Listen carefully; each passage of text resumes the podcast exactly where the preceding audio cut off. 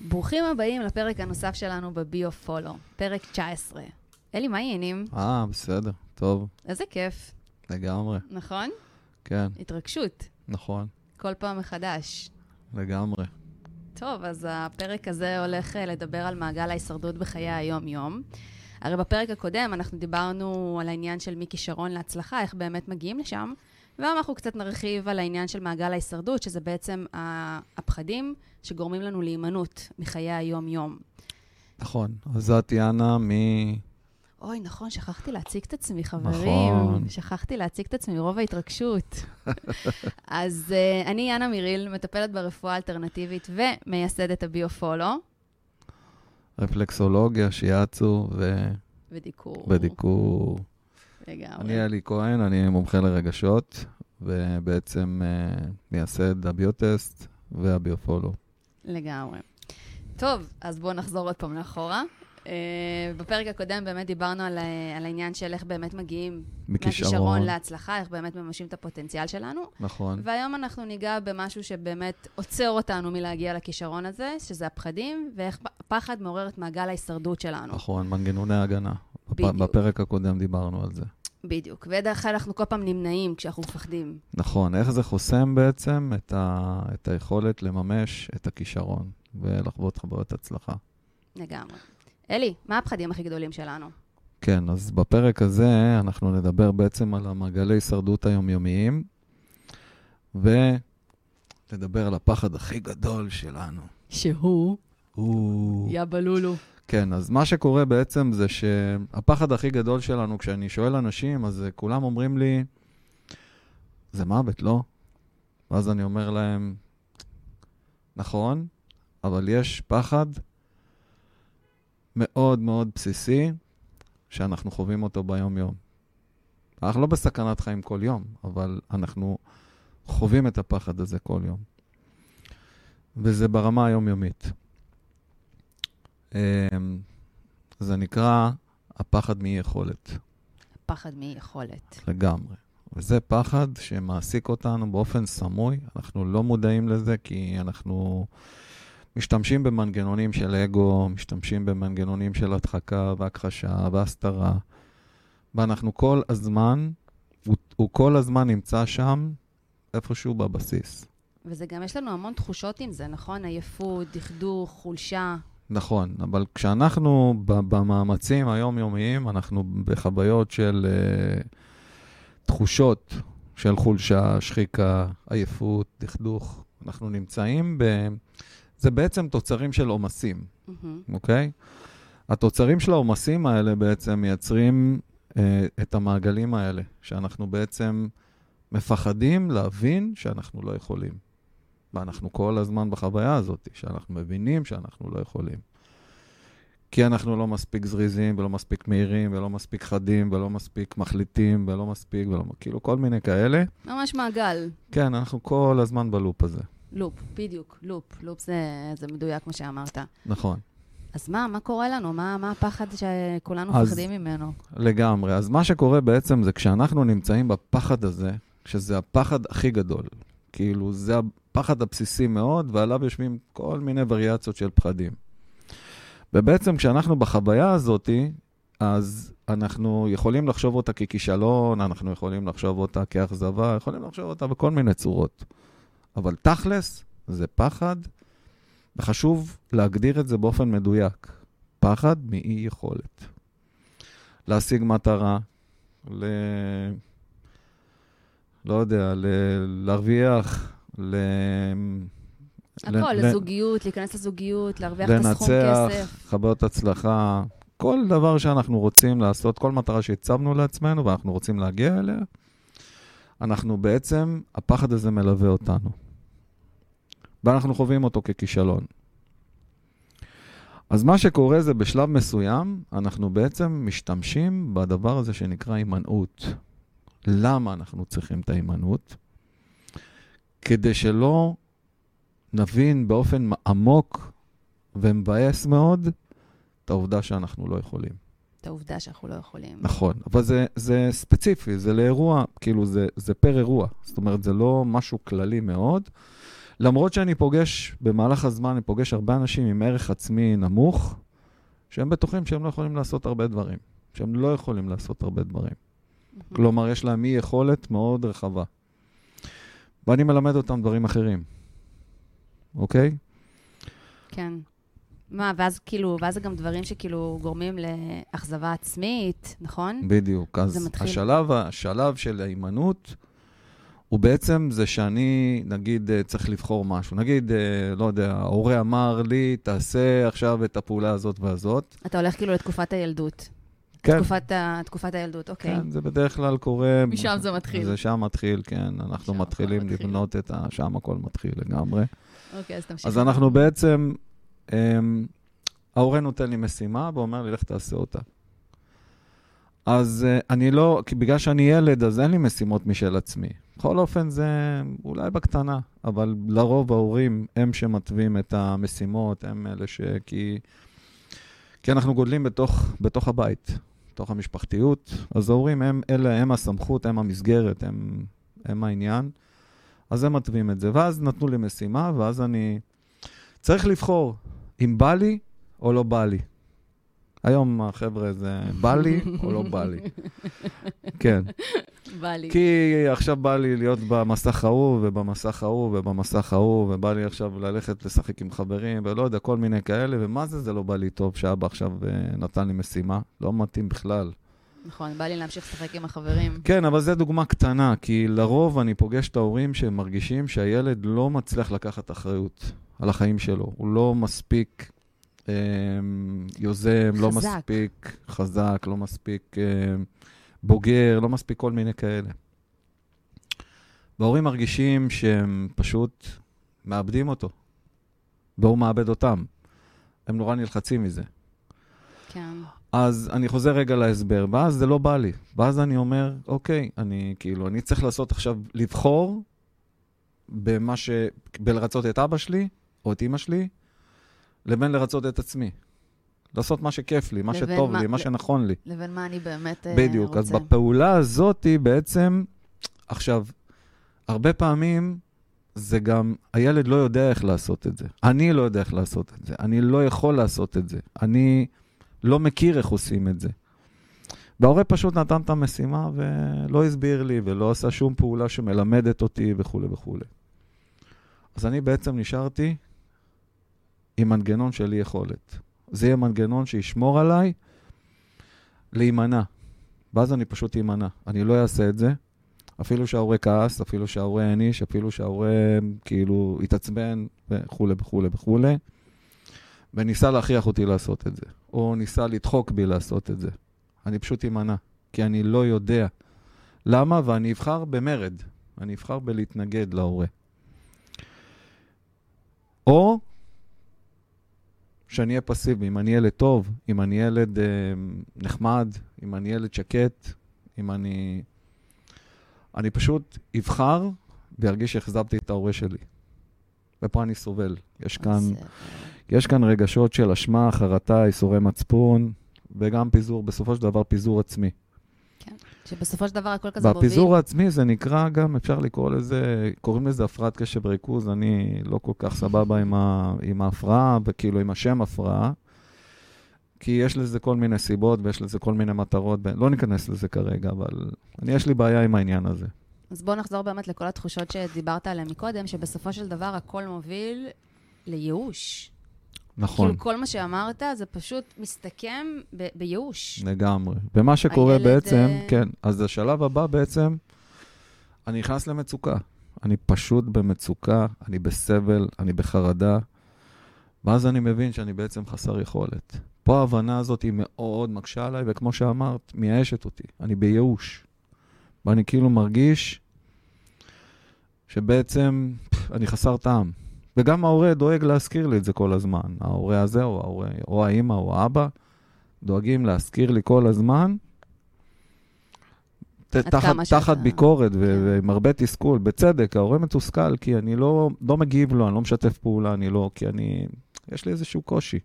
ואז גם עם זה אתה מקבל את זה גם מהסביבה, לא רק מההורים. כי נכון. ככה זה, כי אתה מתפתח לתוך זה.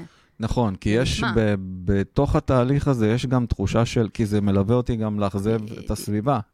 הסביבה. כי אני בדיוק. בסופו של דבר, כאילו, שומע מההורים שלי כמה אני לא מוצלח, איזה לא יוצלח, כאילו. זה לא יוצלח. אז זה לא יוצלח, כאילו, כאלה. סלנג. כן, וברמת העיקרון זה, זה משהו שהוא... ילד שגודל בתנאים האלה זה מאוד מאוד מאוד קשה, זה מאוד לא פשוט. וכך הוא מתרחק מעצמו. זאת אומרת, בתהליכים האלה הוא פשוט מתרחק מעצמו, הוא הופך להיות בוגר, חסר הבנה לגבי עצמו, לא מכיר את עצמו, לא יודע מה הוא כן, מה הוא לא, הוא לא. מי הוא, מי הוא? למה הוא, מה, מו, מי. מי הוא אני, רק מה אני. יודע שהוא, שהוא, כאילו, יש לו איזה, יש לו איזה פגם, יש לו איזה בעיה, יש לו איזה, כאילו, הוא לא, הוא לא יודע מה היא, אבל הוא, זה, הוא, הוא מסתובב בתחושה הזאת כל הזמן. והמנגנוני ההגנה עובדים קשה מאוד, נלחמים כל הזמן, זה הישרדותיות. דות, בדיוק, זה המעגל הישרדות. זה ממש בדיוק, המעגל הישרדות הזה. בדיוק, יש את הסטרסים והמתחים והלחצים והפחדים והבהלה וה, וה, והחרדה, ויש כל מיני, כל מיני רגשות מאוד לא פשוטות שמתקיימות בתוך, ה, בתוך המעגלים האלה. זה מאוד מאוד מאוד קשה. זה, זה לא פשוט, זה פשוט גיהנום. וואו. סבל. על זה נאמר לחיות בייסורים. מה, מה, תחזור שוב? על זה נאמר לחיות בייסורים. זה לא פשוט. זה לא פשוט. לא כל דבר הולך לי, לא כל דבר קשה לי, אני כל הזמן נאבק על כל דבר, אני כל הזמן נלחם, אני כל הזמן מתאמץ, אני כל הזמן חווה דחיות, אני כל, כל הזמן קשה לי. וואו. מאוד קשה לי. אני באמת חושבת שלאף אחד אין פטור מזה. אלי, כולנו חווים את זה כך או כך.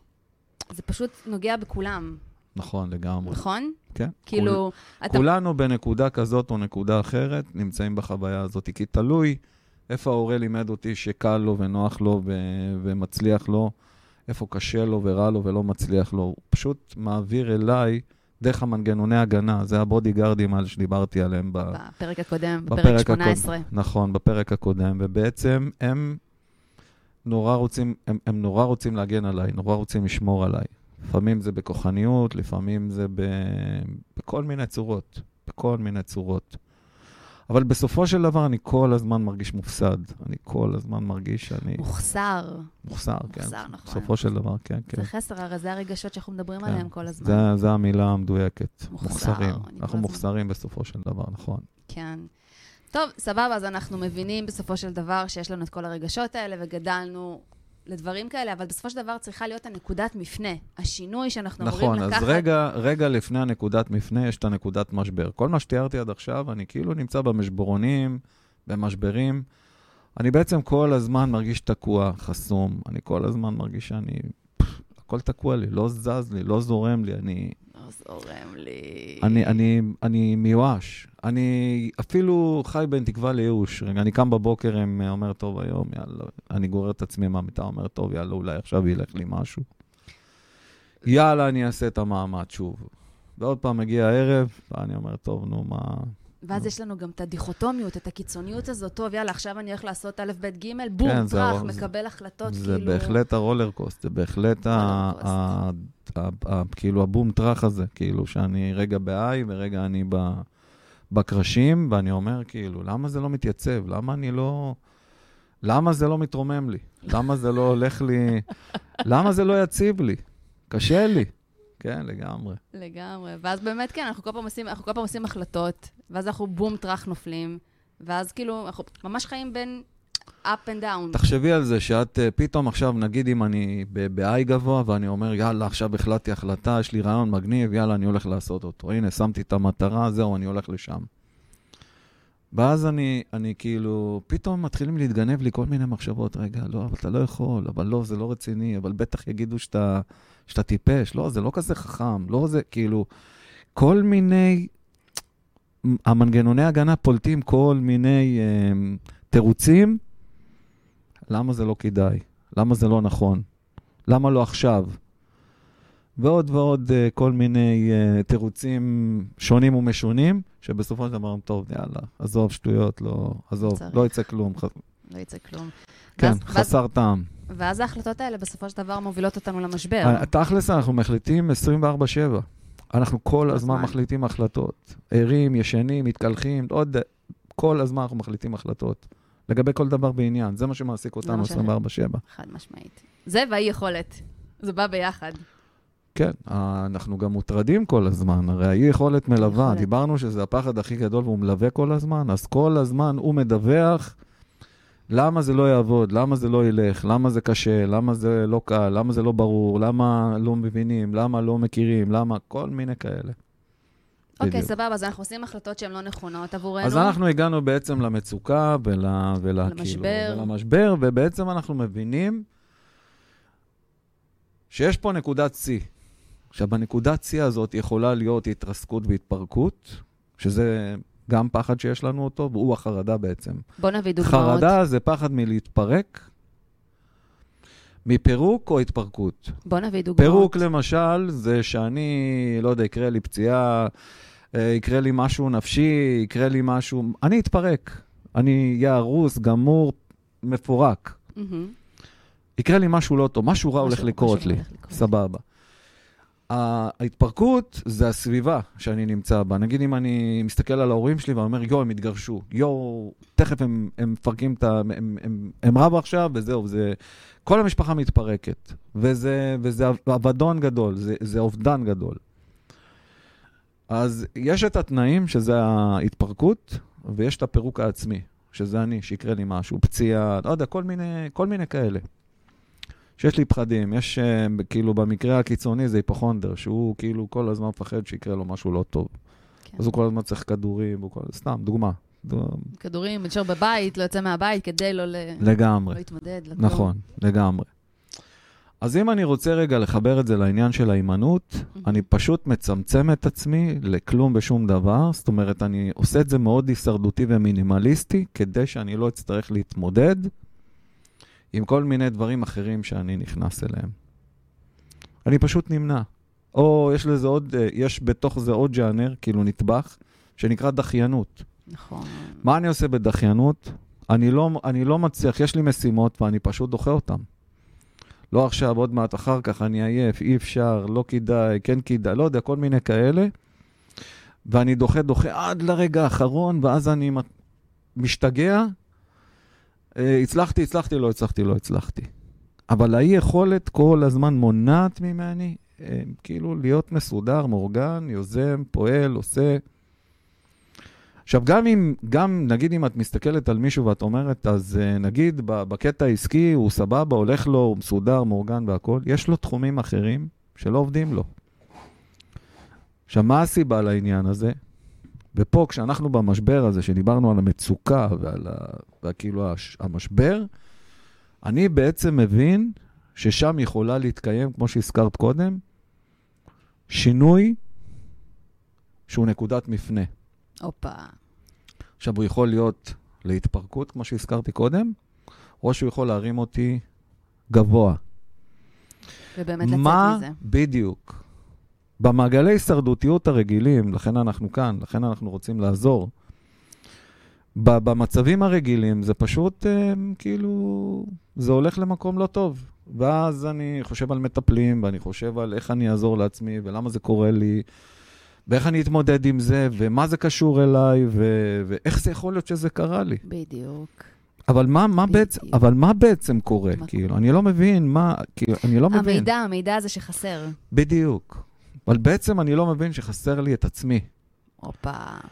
כי אם אני אכר ואסתדר, את זוכרת? בטח, מפעם קודמת, זה הסלוגן שלנו. נכון. זה, זה הפך להיות הסלוגן. זה הפך להיות הסלוגן שלנו נכון. בשבוע שעבר.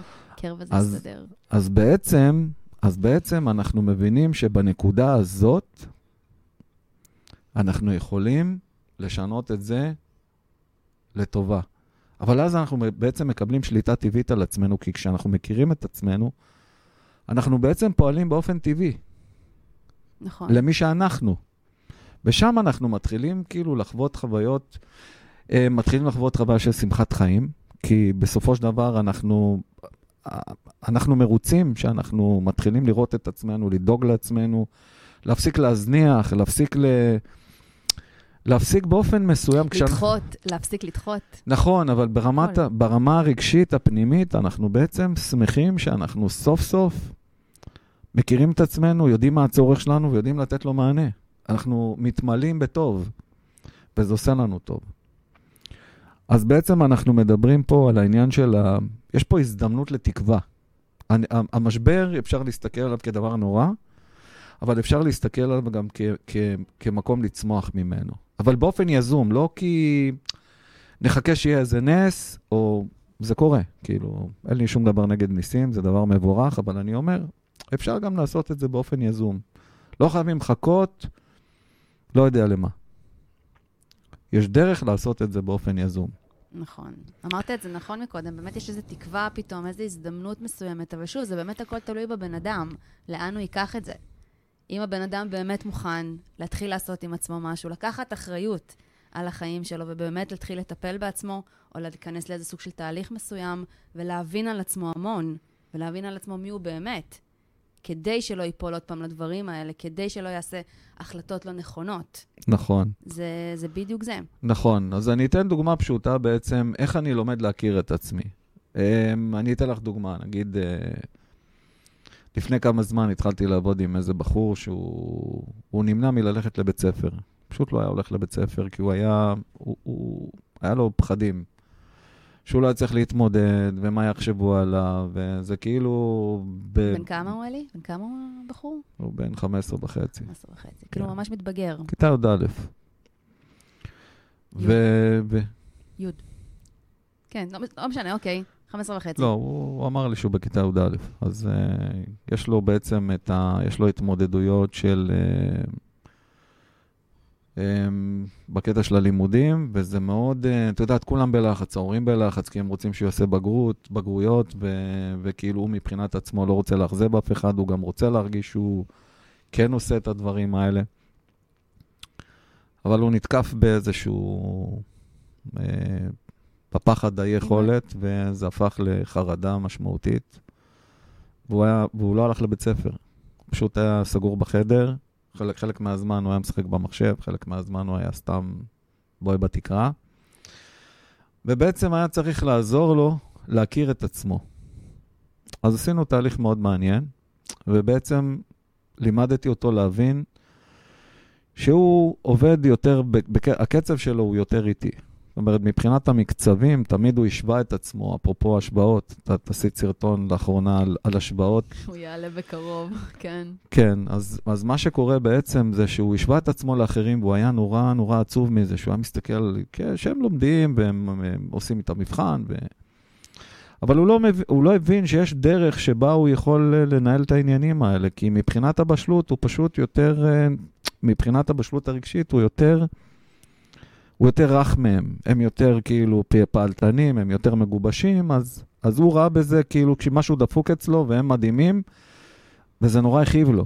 רך כאילו רגיש? רגיש? מבחינת רגיש? רגישות, כן, כן, רגישות. לגמרי. כן, כן, אוקיי. לגמרי. אז מה שקרה בעצם זה שלימדתי אותו שהוא צריך לעבוד באופן טורי, ואני אסביר רגע מה זה באופן טורי. זאת אומרת, לימדתי אותו על עצמו, איך, איך הצורת חשיבה שלו, ואיך הוא מרגיש, ואיך זה, זה מתפקד לו וכולי וכולי.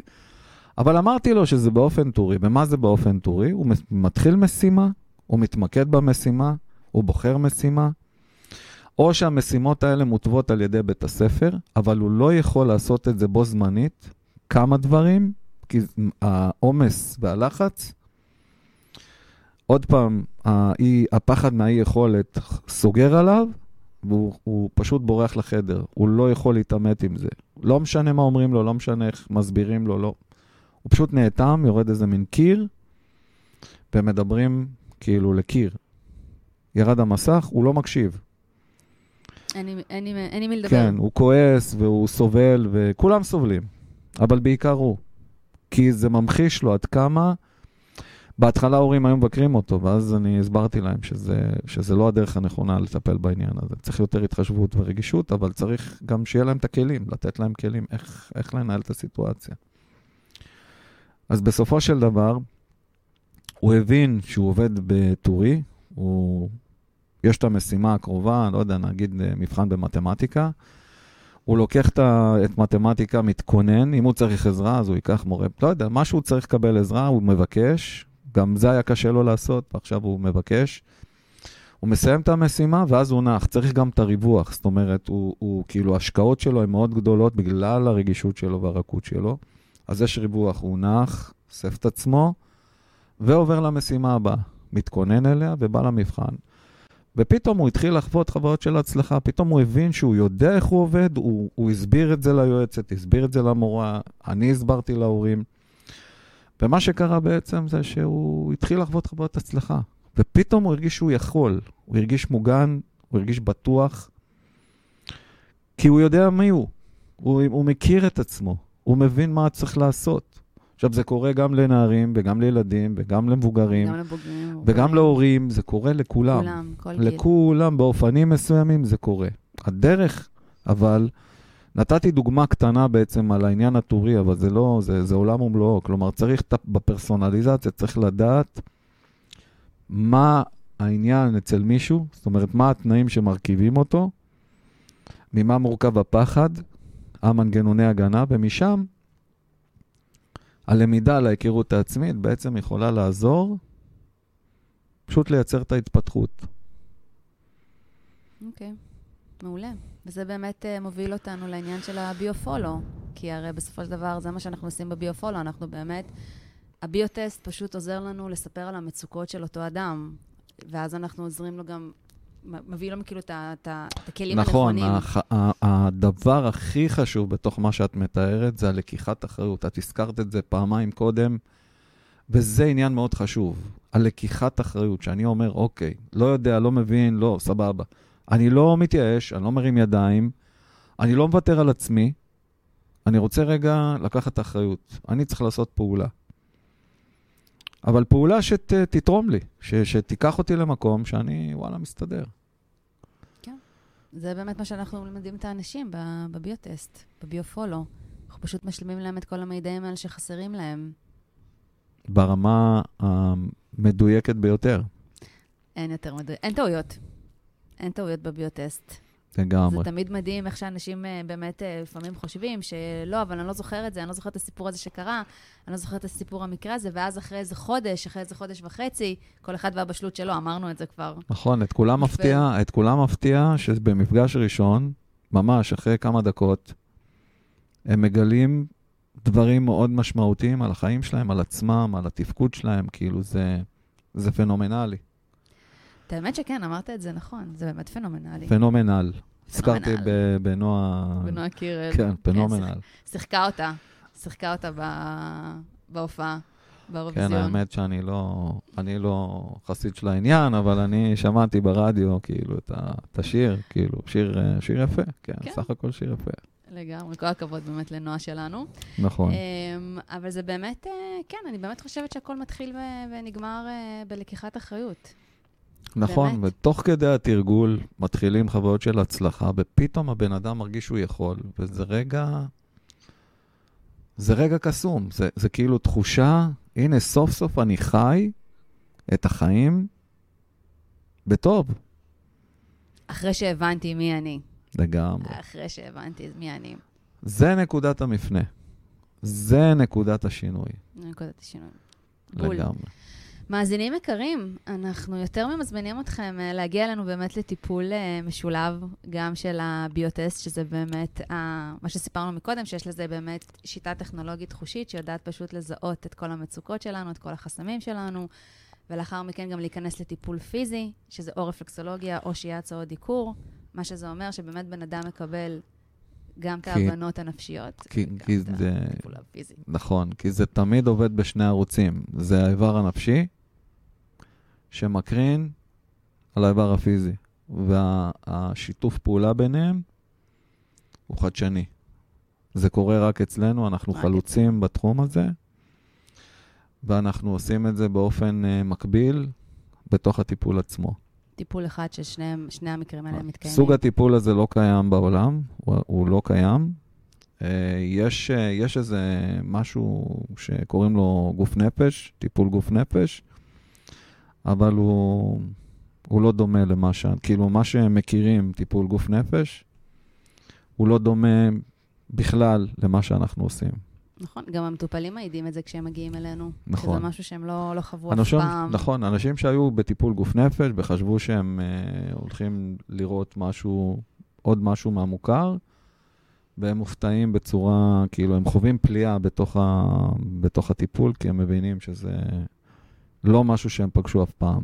לגמרי, ואני גם רגע רוצה לחדד עוד איזה משהו. אמרת פה משהו אה, מאוד חשוב שנזכרתי במקרה שהיה לי השבוע, כשפרסמתי, דיברתי על פחדים ב- במדיה.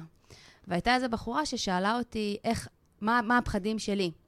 ואז אמרתי לה שדיברתי הרבה על הפחדים שלי, אני די מספרת על זה, כי בסופו של דבר, לי ולך, יש את היכולת לעזור לאותם אנשים, כי אנחנו חווינו את זה.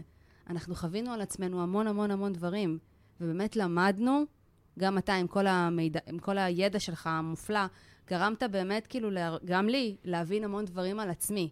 ואנחנו רוצים כאילו מאוד לעזור לאנשים האלה, כי אנחנו פתרנו את הבעיות. אני אומרת בעיות במרכאות, כי זה לא בעיות, זה אנחנו. התחברנו בסופו של דבר לעצמנו. ובאמת יש לנו את היכולות האלה לעזור לכם, למאזינים, לאנשים שבאים אלינו. כאילו, הרבה כל פעם שואלים אותי, מה, מה הפחדים שלך? את נראה שיש לך חיים מושלמים. זה נורא ו... פשוט, כי אנחנו פותחים בפודקאסט הקודם, פתחנו, בש... אני, אני פתחתי בשאלה ואמרתי, האם אתה בן ערובה של המנגנון, הג- מנגנוני ההגנה שלך?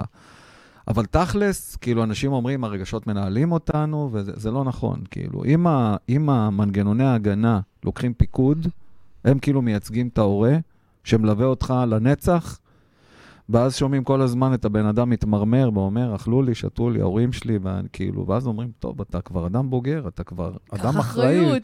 קח אחריות. קח אחריות. אתה אמור לנהל את החיים שלך באופן טבעי. אז הוא אומר, לא, אבל זה בגללם, וקרה לי, וכאילו, כל מיני כאלה. מאשים, מאשים. נכון, אז בעצם, האדם בעצם מספר שהמנגנוני ההגנה שלו לוקחים פיקוד כל הזמן, והוא לא מצליח לבטא את עצמו. ופה בעצם הכאב, הסבל והתסכול והחרדה וכל ה... העניין הזה שאני קטן וחלש לעומת המנגנוני ההגנה שקיימים בתוכי, בתוכי.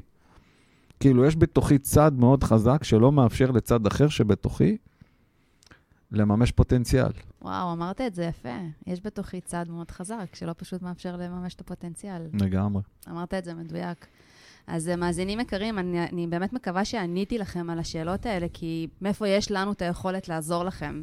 כי באמת הבנו מי אנחנו. גם אני וגם אלי יכול להעיד על עצמו, בואו לביו-פולו, מבטיחים לכם שזה משהו שעדיין לא פגשתם. ולחלוטין. אלי, תודה. תודה, יאנה. תודה, מאזינים יקרים. אנחנו כמובן אה, נתראה בפרק הבא. נתראה.